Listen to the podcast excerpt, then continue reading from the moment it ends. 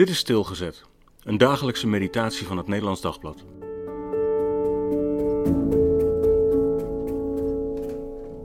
Afbrokkelen.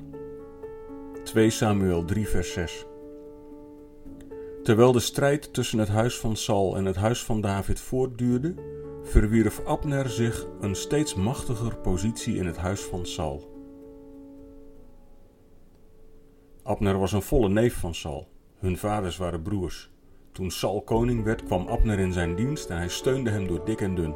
Nooit lees je dat Abner probeerde Saul aan de kant te duwen. Ook na Sauls dood bleef Abner hem trouw.